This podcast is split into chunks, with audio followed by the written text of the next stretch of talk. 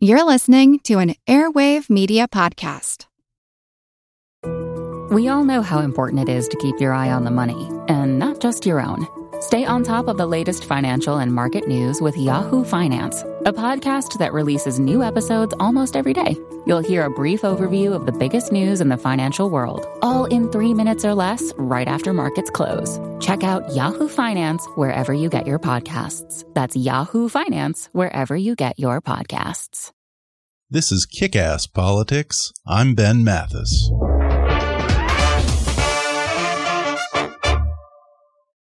Kick Ass Politics is sponsored by Fiverr. You've heard me rave about Fiverr before. That's Fiverr with two R's.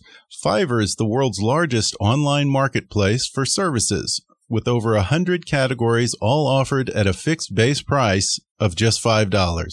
Logo design, business consulting, marketing, business cards and stationery, web design, translation, proofreading, legal consulting, and just about any other service you can imagine, all offered at a base price of just $5. In fact, the announcer who does our intro on Kickass Politics, I found him on Fiverr, a professional radio announcer to do our intro for just five bucks. And right now, if you go to Kickass Politics and click on the link for Fiverr on our sponsor page, you'll be showing your support for the show and you'll get some great offers on services tailored to your needs. Whatever you need done, find it on Fiverr. Hi there. I'm Ben Mathis and welcome to Kick Ass Politics. My guest today is Arthur C. Brooks. He's the president of the American Enterprise Institute, and he's the author of 10 books, including the bestseller The Road to Freedom. He has a new book that's currently at number 8 on the New York Times bestseller list and still climbing. It's called The Conservative Heart How to Build a Fairer, Happier, and More Prosperous America. Despite what some may say, Arthur says conservatives do have a heart, and he says it's time for them to start showing it. In just a moment, he'll discuss why it's crucial for Republican candidates in 2016 to tone down the anger and the negative rhetoric.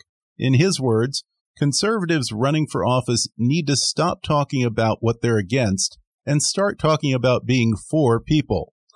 In just a moment, we'll talk about the war on poverty as a moral imperative for conservatives how we can win the debate on social welfare and start talking about low income Americans as untapped assets instead of liabilities.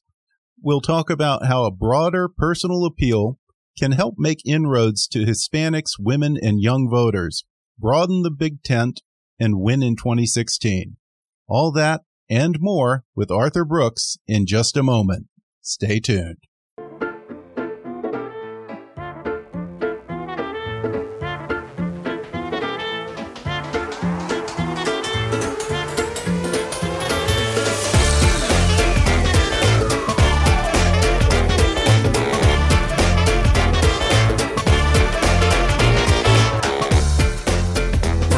Hollywood to Washington, it's time for Kick Ass Politics. And now here's your host, Ben Mathis. I'm joined today by Arthur C. Brooks. He's the president of the American Enterprise Institute, and he is a self proclaimed bleeding heart conservative. It's all in his new book, The Conservative Heart How to Build a Fairer, Happier, and More Prosperous America. Arthur, thanks for coming on the show. I'm glad to be with you. Thanks for having me. Absolutely. So, the conservative heart. I, I know that there are some people out there who are thinking to themselves, conservative heart. That that's not a thing. Um, for those people, explain what is the heart of conservatism and why you decided to write this book. I grew up in a family that didn't believe there was such a thing as the conservative heart, that it wasn't a thing. In fact, it was. You know, I grew up in Seattle in a liberal home, and I mean everybody in Seattle is liberal for all intents and purposes. And what everybody knows, the conventional wisdom, is that conservatives don't care about poor people. They might be good in business or money, but poverty is not something that's important to conservatives. And I grew up with this preconceived notion, and I had it until I was an adult, and I started to look at, I guess, the facts. I went to college in my late 20s after having dropped out of college earlier and, and, and run off as a musician. And when I finally studied economics in my late 20s, I found something that really shocked me. I was looking at statistics about poverty, and, and I found, much to my great surprise, that the world's worst poverty, starvation level poverty, had fallen by 80% since I was a kid. I, I didn't know that. Most people don't know that. Most people think that poverty's gotten worse. It's gotten much better. But what really shocked me were the reasons.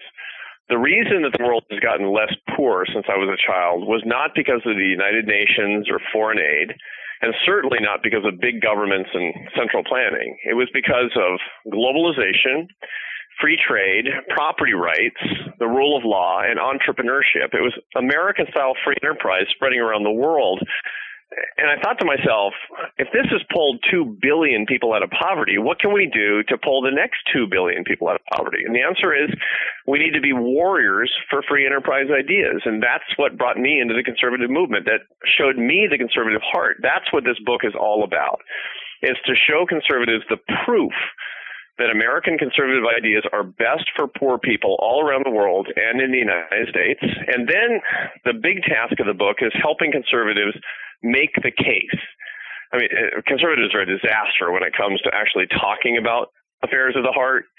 They talk as if they really did only care about money frequently. They talk like they're angry and they don't like poor people. And so this book talks about how to remedy that. There's a, a whole debate training manual in this book that I've used with members of Congress. And it's extraordinary. Using just a few communications tools, we can turn this around. If we don't do it, we're going to lose in 2016. But if we do, it can be a big wave election, and we can remember that the conservative heart is the reason we're in the movement.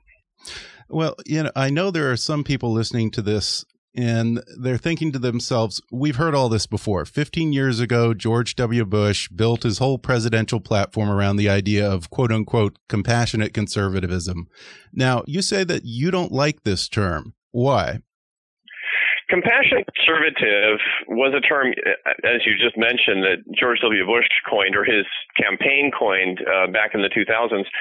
And what it did was it, it, it, suggested that you have to put a qualifier on conservatism, that conservatives are not inherently compassionate. It's, a, it's kind of a it was kind of a, an apology, like you know, I'm I'm a conservative, but I'm not one of those mean ones. Uh, I'm a nice one. Well, we shouldn't have to do that. Our ideas are better for poor people. We have deeply morally held views about the dignity of every individual, that everybody is a uh, is created in the image of God, and that opportunity should be shared by all. These are non-negotiable conservative principles, and they're inherently compassionate. And furthermore, when you look at the the way the country was formed, I mean, your ancestors and mine, they came running away from some place where they couldn't make their life. They were either running for their lives or they were just riffraff who had no direction to go but up. They came to the United States not to get a better system of forced income redistribution. They came here because capitalism and what we think of as conservative economics were the basis of social justice for these people. Our system is inherently compassionate and it needs no qualifiers a moment ago you talked about the global poverty levels and you're right they have dropped dramatically oh just over the past couple of decades but most people have uh, this impression that world poverty is is getting worse than ever. But you point out that it has plummeted over the past few years. Uh, you point out that it's not because of US aid or the UN it's largely because of conservative principles like free trade entrepreneurship free fair elections but at the same time, as we're seeing stunning, measurable success in defeating poverty globally, poverty numbers in America have barely moved over the same amount of time. What is it that we're doing on a global scale that we're failing to do here at home? Poor people all over the world, they look at what's going on in the United States and they say, I want that freedom and I want that stuff. And so they're copying us.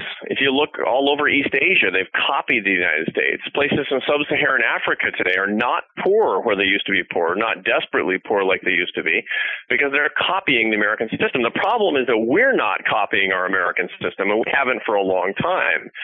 We have pretty free economy for a lot of people, but not for the bottom half. See, here's the biggest problem, Ben. We're not practicing our own religion anymore. At least we're not practicing our own espoused economic system. If you look at the bottom half of the American economy today, it's less free than it's ever been. It's more regulated. Uh, people are more likely to find that it's easier to get by on government assistance than it even is to work. These are it's not, by the way, the poor people's fault. It's the fault of a system that's not sufficiently dedicated to creating opportunity. And so too many people feel like they simply can't get ahead without help from the government. And it's stunning when you look at the data on this. Uh, when I was a kid, uh, there were about 6% of men ages 20 to 64 not institutionalized, which means they're not in the military and they're not in prison. 6% of guys, able bodied men, were out of the workforce.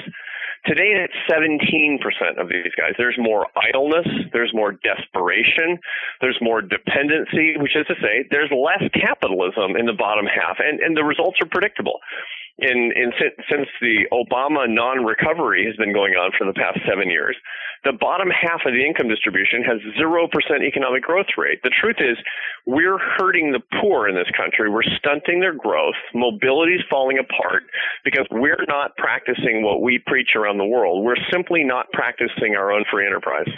Well, and it, it seems to me like it's a very difficult task when you have people in this country who've been weaned on the government teat and you know through no fault of their own uh, that that's all that they've really known. And how how do you reach out to them and how do you make this case and present an alternative without seeming condescending? I think that's the very difficult problem that we have to figure out here. For sure. And you know, i talk to republican politicians all day long and they believe frequently that they can't actually bring they can't they can't bring a, a the game to the liberals. They think that liberals will always go to poor people and say, "I'm going to give you free stuff," and that's always going to win the day. And in point of fact, Republicans should never, conservatives should never try to outbid the liberals in terms of government largesse. They'll always lose. But actually, conservatives have a better case to make that's more empowering and more dignifying and more human for the poor, which is to say, I might not give you the same amount of free stuff, but I'm going to give you more opportunity. They need to answer the culture of dependency with a culture of aspiration. And they need to be true warriors for work, for entrepreneurship, for education. And people will vote for that. Now, not everybody will, to be sure. But last time that was tried, when there was a truly, a truly unvarnished conservative who came out of the gate as an optimist and promised equal opportunity and believed in everybody, and who truly, when you saw his heart, his conservative heart, you saw somebody who didn't think that poor people are just liabilities to manage. He saw them as assets to develop. He won, and he won big, and that was Ronald Reagan. The secret to his success was not that he was fighting against government programs and spending and, and, and deficits and debt. The success of Reagan was his optimism and his belief that everybody, including poor people, were assets to our society, and he offered aspiration to the whole society. And that, that's our game. That's what we need to do. Right. And one of the things that you point out is that uh, I guess in his uh, in his nominating speech, he mentioned people 87 times. He used the word people, uh, not the word GDP, not taxes, not economic growth, but people. And I, I, have to imagine if I looked back to uh, uh, to to Mitt Romney's speech, you know, in the same situation, it probably wouldn't be the case. Yeah, that's exactly right. That's exactly right. And and again, you what you talk about reflects to other people what you care about.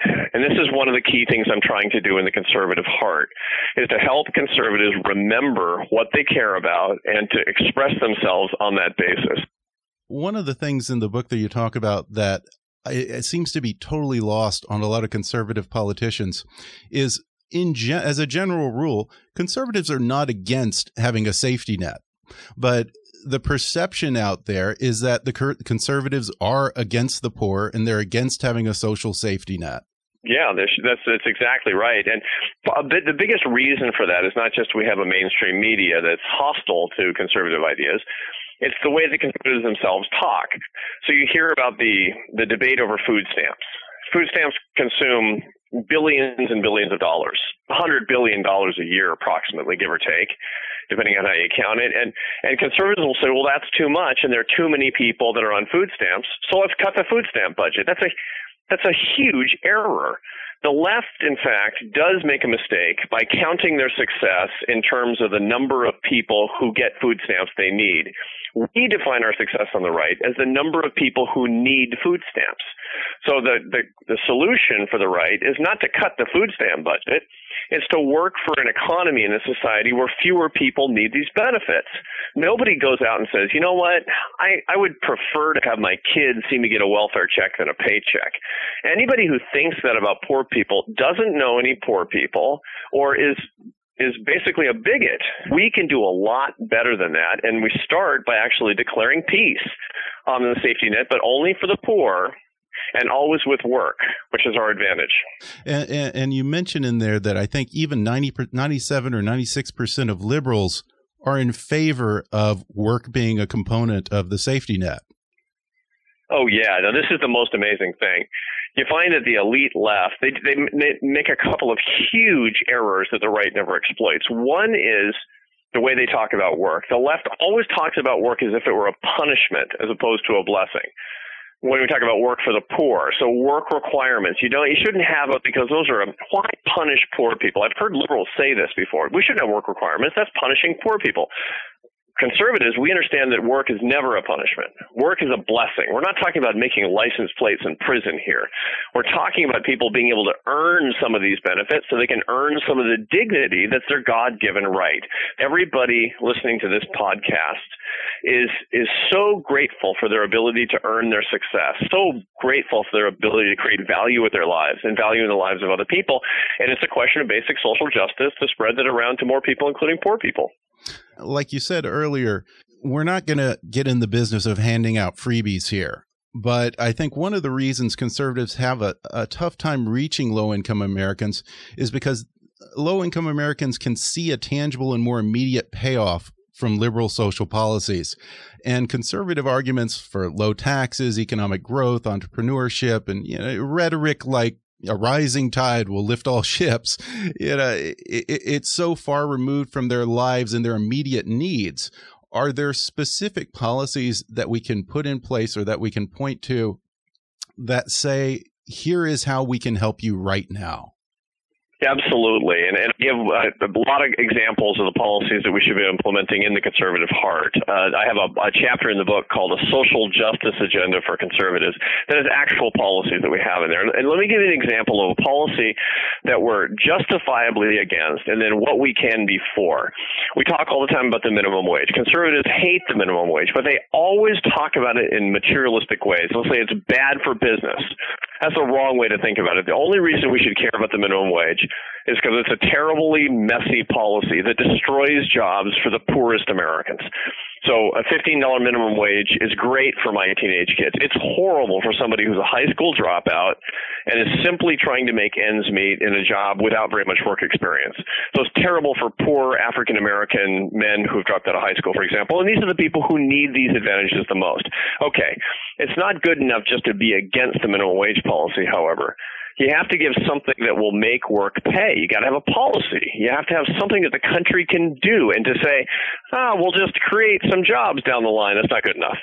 Here's a policy. It's called the Earned Income Tax Credit. That the government has been in this business, and Milton Friedman loved this policy from the very beginning, because what it does is it for low-income working Americans, it augments their paycheck. Is it expensive? Yeah, but we can afford it. And simply put, I want to make work pay. That's why I pay taxes. I want poor Americans to earn their success too, and we can expand that to the people who are not getting it right now. Single men don't get it. Single men are the single most uh, discriminated against group in public policy in America today because we don't think they deserve anything. Yet there are too many that are shut out of labor markets. So here's what conservatives need to do. You talk about the minimum wage. You always get demagogic nonsense from the left, like, let's give America a raise. That's a direct quote from Barack Obama. Easy to say. Doesn't work that way. We might as well just say, let's destroy a bunch of poor people's jobs. Here's what we say. Look, I think morally, that Americans, if they work hard and play by the rules, even if they're poor, they should be able to support themselves. The minimum wage doesn't guarantee that. As a matter of fact, it makes it harder for the poorest people. So I have a policy that's going to get it done called the Earned Income Tax Credit. One, two, three. Statement of moral purpose, the reason you're against the other policy, and who you're fighting for with a better policy. If we can do that, we can change the debate. Well, you know, it, it, and it is. It's hard. It's a struggle, especially like you said, for young people, and because you have kids in, in this day and age who are starting out life with an insurmountable amount of debt with student loans and so forth. And then they get out of college, there are no jobs. What is the solution that we can offer young people? Well, the, one of the biggest problems that we have in America today with respect to higher education is that we're forcing too many people into the higher education system, and then we're subsidizing it with a federalized student loan program that drives the price up and then we're requiring effectively requiring families to go too far in debt. It's a conspiracy against people who wouldn't necessarily go to college in the first place. They just want to make a living. Uh, it's you know i wasn't ready for college when i was 18 years old and a lot of people shouldn't have to go to college and study what you study there anyway you know it's a, it's this most astonishing conversation i've ever seen where in america a country that's supposed to value everybody for their work where there's moral equivalence between running a hedge fund and, and trimming hedges. Still, at this point in our history, we have a president and vice president of the United States who actually use the expression dead end jobs. The Vice President of the United States goes on TV and extols the virtues of Obamacare because it allows women to quit their so-called dead-end jobs. I, I fell out of my chair. It's completely immoral to classify somebody else's job where they're working hard as a dead-end job. There are no dead-end jobs. There's dead-end government. There's dead-end culture but there are no dead end jobs. There's a lot more that we can do without forcing people to go through college, without forcing people to study things that are not really useful to them. And that means reimagining training and vocational and technical education in this country. There are countries all over the world that take morally seriously jobs that don't require college. Germany is a perfect example of a country that does this really well. And we should have not just community colleges, we should have vocational and technical schools, which are very, very uh, inexpensive expensive to run in ways where people don't go into tremendous amounts of debt. And we should train people for jobs that actually are not getting done in this country. And you're saying this as a former college professor yeah, it's true. It's true. And I'm saying this as a, call, a former college dropout too. And yeah, you know, it's just amazing how in America we become so classist about college. When I dropped out of college all the way through my 20s, I finished college at 30. So all the way through my 20s, people would ask, you know, fancy people, sophisticated people. They'd say, "Where'd you go to college?" And I said, "I didn't go to college." And they would treat me like kind of a dummy amazing. And then then I go back to college and get my PhD, and suddenly I'm smart. I'm the same guy. we have to do better in America. We'll take a quick break, and then in the next half, I want to put some of this into practice and look at how some of these principles can help conservatives win in 2016. Back in just a moment.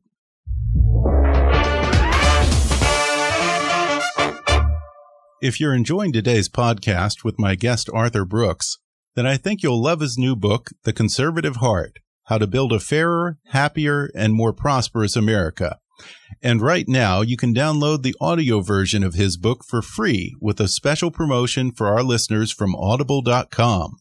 Just go to audibletrial.com backslash kickasspolitics for a free 30-day trial and a free audiobook download, which can be The Conservative Heart by Arthur Brooks or any of Audible's 180,000 titles for your iPhone, Android, Kindle, iPad, or MP3 player. That's audibletrial.com backslash kickasspolitics. Or click on the sponsor link on our webpage to download the free audiobook of your choice. And if you like Kick-Ass Politics and want to help keep us on the air, then please support the show by making a donation to our GoFundMe campaign at gofundme.com backslash kickasspolitics. Or go to the show website and click on the donate link. Your support will help keep us producing new and even more interesting programs in the future. That's gofundme.com backslash kickasspolitics. And now, back to the show. We're back, and I'm talking with Arthur C. Brooks, author of The Conservative Heart. Let's put this into practice. Uh, toward the end of the book, you talk about the seven habits of highly effective conservatives. Run through those with us. Well, the Seven Habits of Highly Effective Conservatives starts with a very simple premise. And again, these were the principles, these are the principles that I use when I'm working with members of Congress uh, on how they become, can, can win debates. And, and, by the way, then, my guarantee for readers is if they commit these principles not just to memory, but more or less to familiarity, they'll never lose a Thanksgiving dinner argument with a liberal ever again. Okay, so that's my guarantee. The first is it, it sounds counterintuitive, but it's true. Make a moral argument we're really good on the right of making materialistic arguments. Got to stop doing that. Got to make moral arguments. Moral arguments are the ones that touch the heart, and they're all about compassion and fairness. I know conservatives right now are saying, fairness, what do you mean? The answer is real fairness. Real fairness is not income equality. Real fairness means you're rewarded for your hard work, personal responsibility, and merit. And that's what most Americans really understand as true fairness. When we get into that fight and we make moral arguments, we really start to win. That's the important thing. The second thing is when you're making moral arguments, you're talking about people. A classic error that conservatives make is they fight against things. Conservatives need to fight for people. Winners fight for people. Losers fight against things. Majorities fight for people. Minority, minorities in the, in numbers, political minorities fight against things. We have to get away from this idea that we take the the democratic liberal agenda, policy agenda as a given and fight against it. No. We have to look at the people that are being hurt by it, the people that we want to build up, the people that should be the heroes of the American economy all across the economy in the, in the nation and fight for those people. So principle number two, fight for people, not against things. Principle number three is be a happy warrior. Think about all of the people that have had the greatest impression on us, the greatest positive impression on us. They they weren't milk toads, they weren't weak, they were fighters in a lot of cases, but they were happy people. One of the greatest uh, problems that we have in the conservative movement today is that most Americans think that we're grim and think that we're angry. In point of fact, too often the Republican Party is the angry party. Now that's better than the Democratic Party, which you is the enemy party. You have someone in party. particular in mind. What's that? I said, do you have someone in particular in mind? sure. I mean, we, we listen to you know the early early parts of the nomination process. We have candidates who are you know standing up saying that everybody else is stupid and is a dummy, and vilifying other uh, other people and talking as if other Americans were as bad as Al Qaeda. Yeah. It's got to stop. The Yeah. angry party doesn't work. The happy party does. Because remember, we're trying to get people who are not with us to be with us, and a happy persona is going to draw them in. That's the um, most important thing to keep in mind. Now, moving on is where it gets kind of interesting. It gets into a little bit of brain science. We have uh, done measurements on how long it takes for the human brain to apprehend a message. In other words, when you start talking to somebody, how long before they figure out what you're all about? And the answer is 30 seconds. You got 30 seconds. Conservatives are terrible about making arguments in 30 seconds. They're pretty good at 30 minutes. I mean, Ben, you and I have 30 minutes today, Yeah. and that's great, but usually you don't get that. So you need to practice your speech in 30 minutes. So I work with politicians on their actual pitch. Actually, I make them get it down to seven seconds because I think seven seconds is better, particularly on TV, and remembering that. And then getting out of the bad habits that come along. See, these are the principles, uh, how to break the bad habits that you have rhetorically. These are the principles that go into winning debates. And, and a lot of them are basically common sense and ethical principles about being a decent person.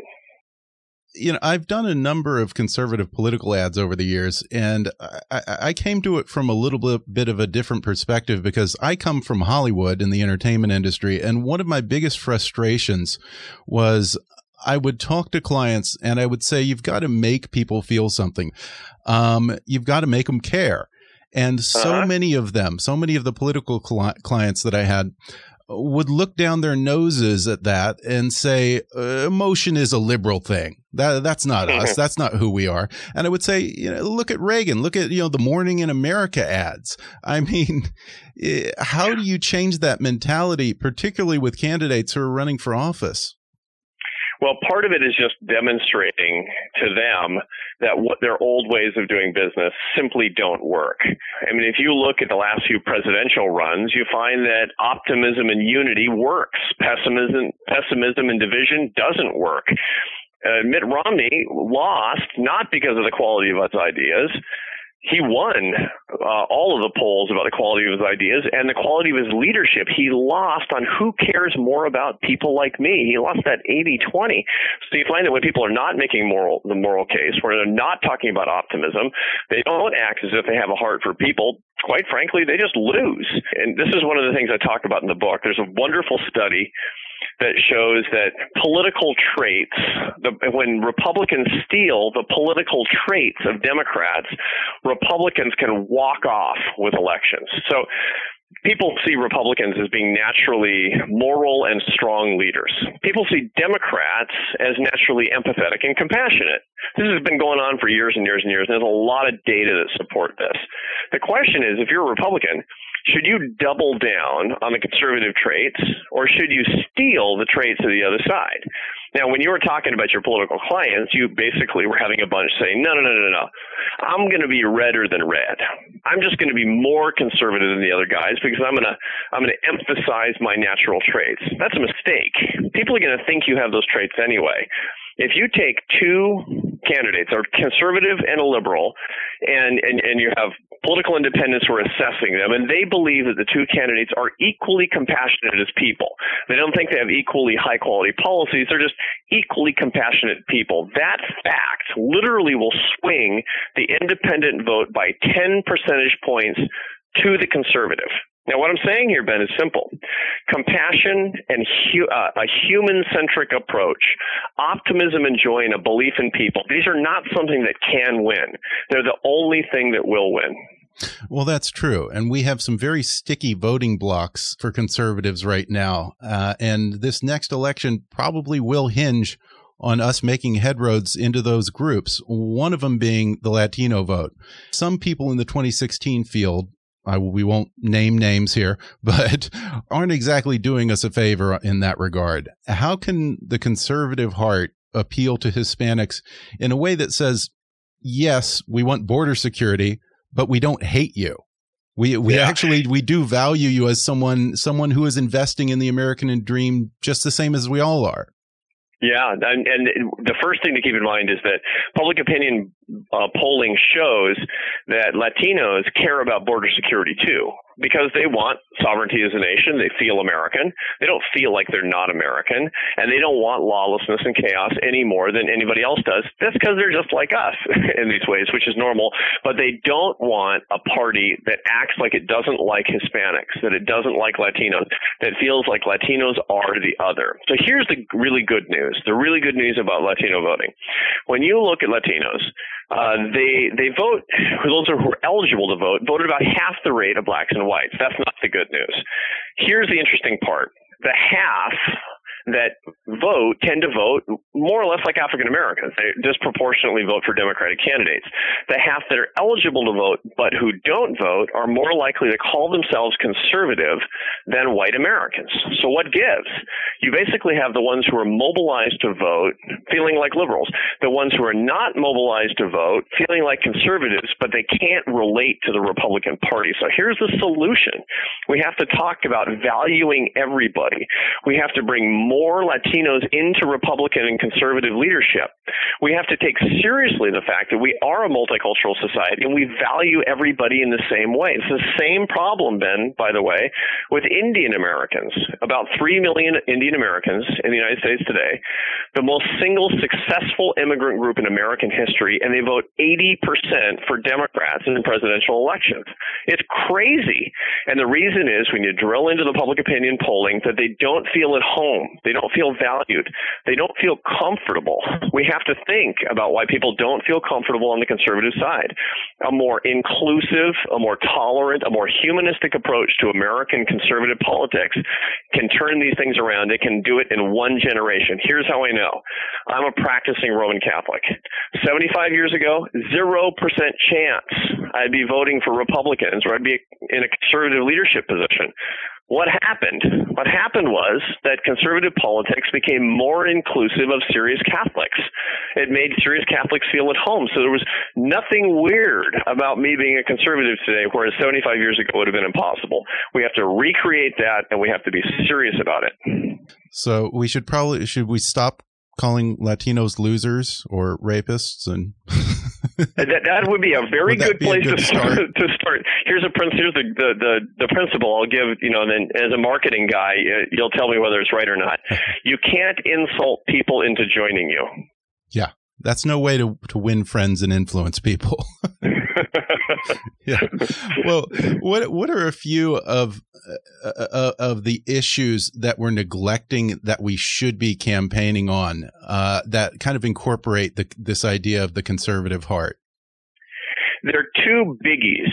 Number one is the thing that we always stay away from, which is poverty. Poverty is something that conservatives have stayed away from because I think it's the comparative advantage of the left. When conservatives steal that issue, it's not important that everybody thinks that conservatives' ideas are better about poverty. What's important is that people understand that we care about poverty, and that will swing people to our side. Now, of course, we have to deliver. We have to have better policies too, but we do have better policies that are more merciful to poor people. So let's examine our hearts. Let's have our, our political leaders examine their hearts and say, do I really want policies that have a preference for pushing power down to the people who don't have any power? Do I really want to have a preference for the poor? Do I want a society where we have policies that can lift people up? I think the answer is yes. And they need to say it and have poverty policies front and center. That's number one. Number two is we have to use our comparative advantage of a good, strong national security policy, but in a grand strategic way that's deeply moral. You know, we have a tendency on the on the right to kind of run away from national security stuff. I mean, we're feeling kind of bummed out about the wars and the Bush years. Yeah, I got that. I got that. But to say that the only point of national security is never anything more than protecting the homeland. No. You know, we believe that a world is better when more people have can share American values. I don't think we should go everywhere and fight everybody over everything. Of course not. But I think that we have a moral imperative of looking at democratic capitalism around the world and saying which countries are democratic capitalists? They're our friends. That's the reason, by the way. Democratic capitalism is the reason that we support Israel all the time and Taiwan all the time. We need a national security policy that's based on moral principle, and Americans will see that and they'll support it. Yeah, because uh, you know, the perception is that we only go to war when we have some kind of self interest, some kind of national interest.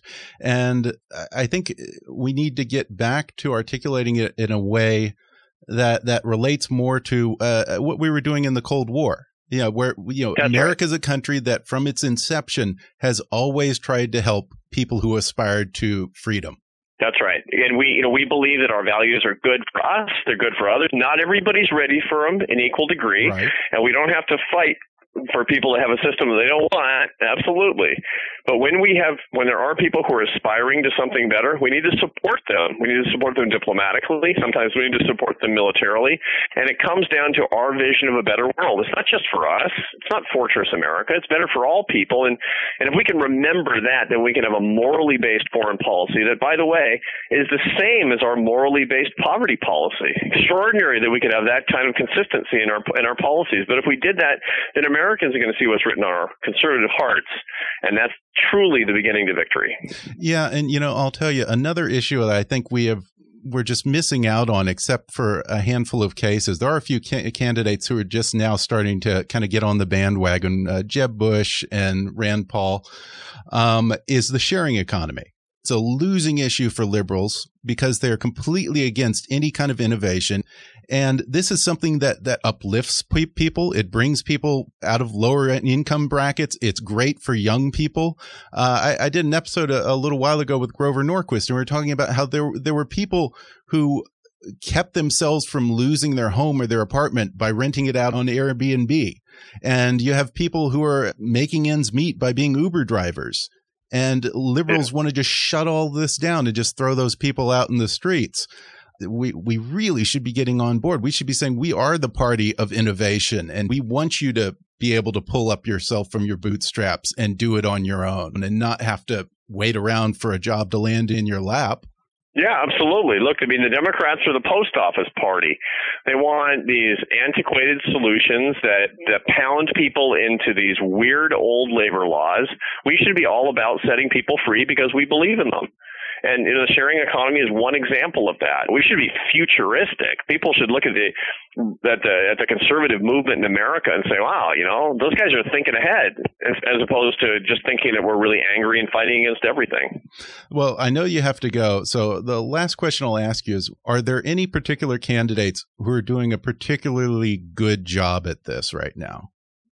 I see much better rhetoric coming from the mainstream body of candidates than I've seen in my adult lifetime. And I, I don't count the Reagan years because Reagan was first elected a little bit before I was I was legal to vote.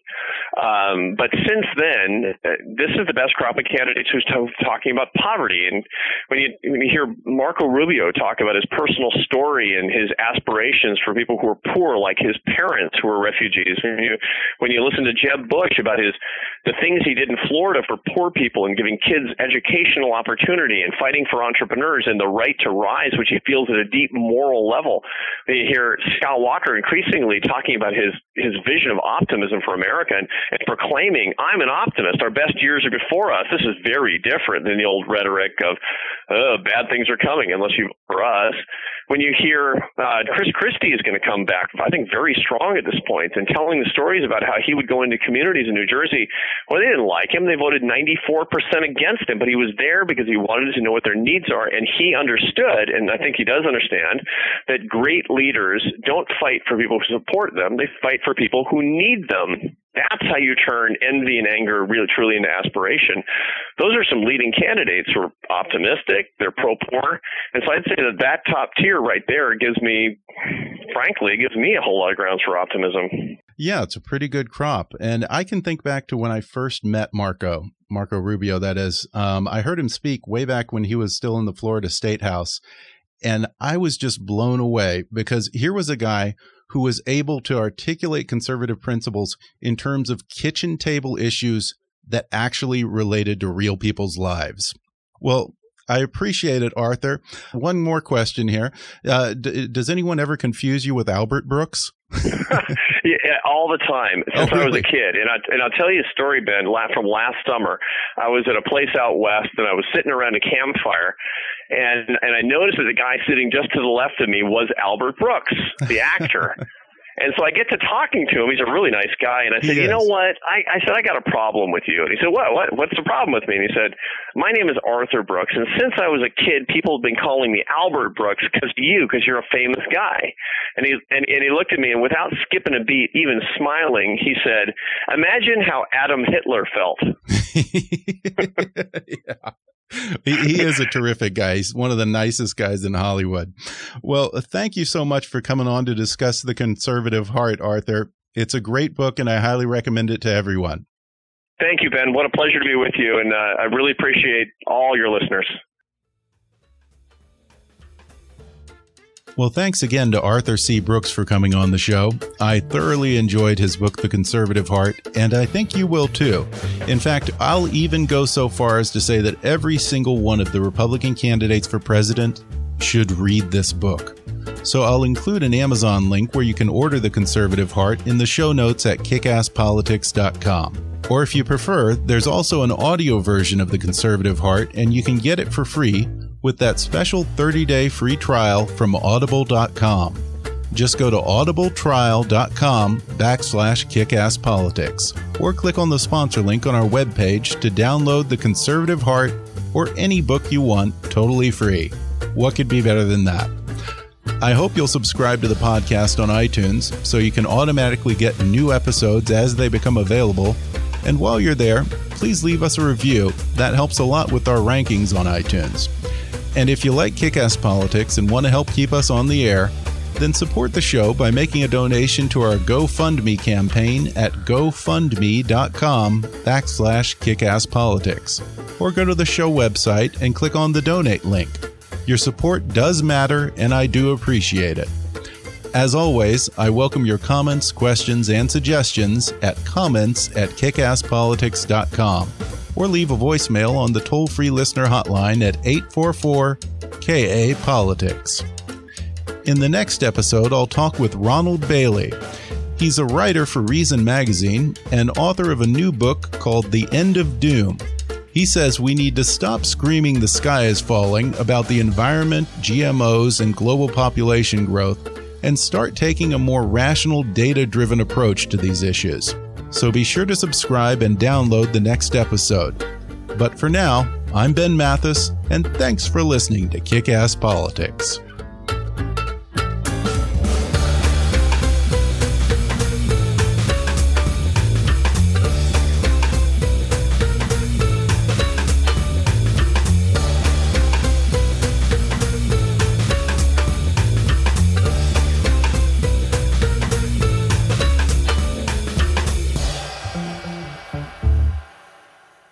This podcast may not be reproduced without express written permission. Kick-Ass Politics is a trademark of Mathis Entertainment, Inc.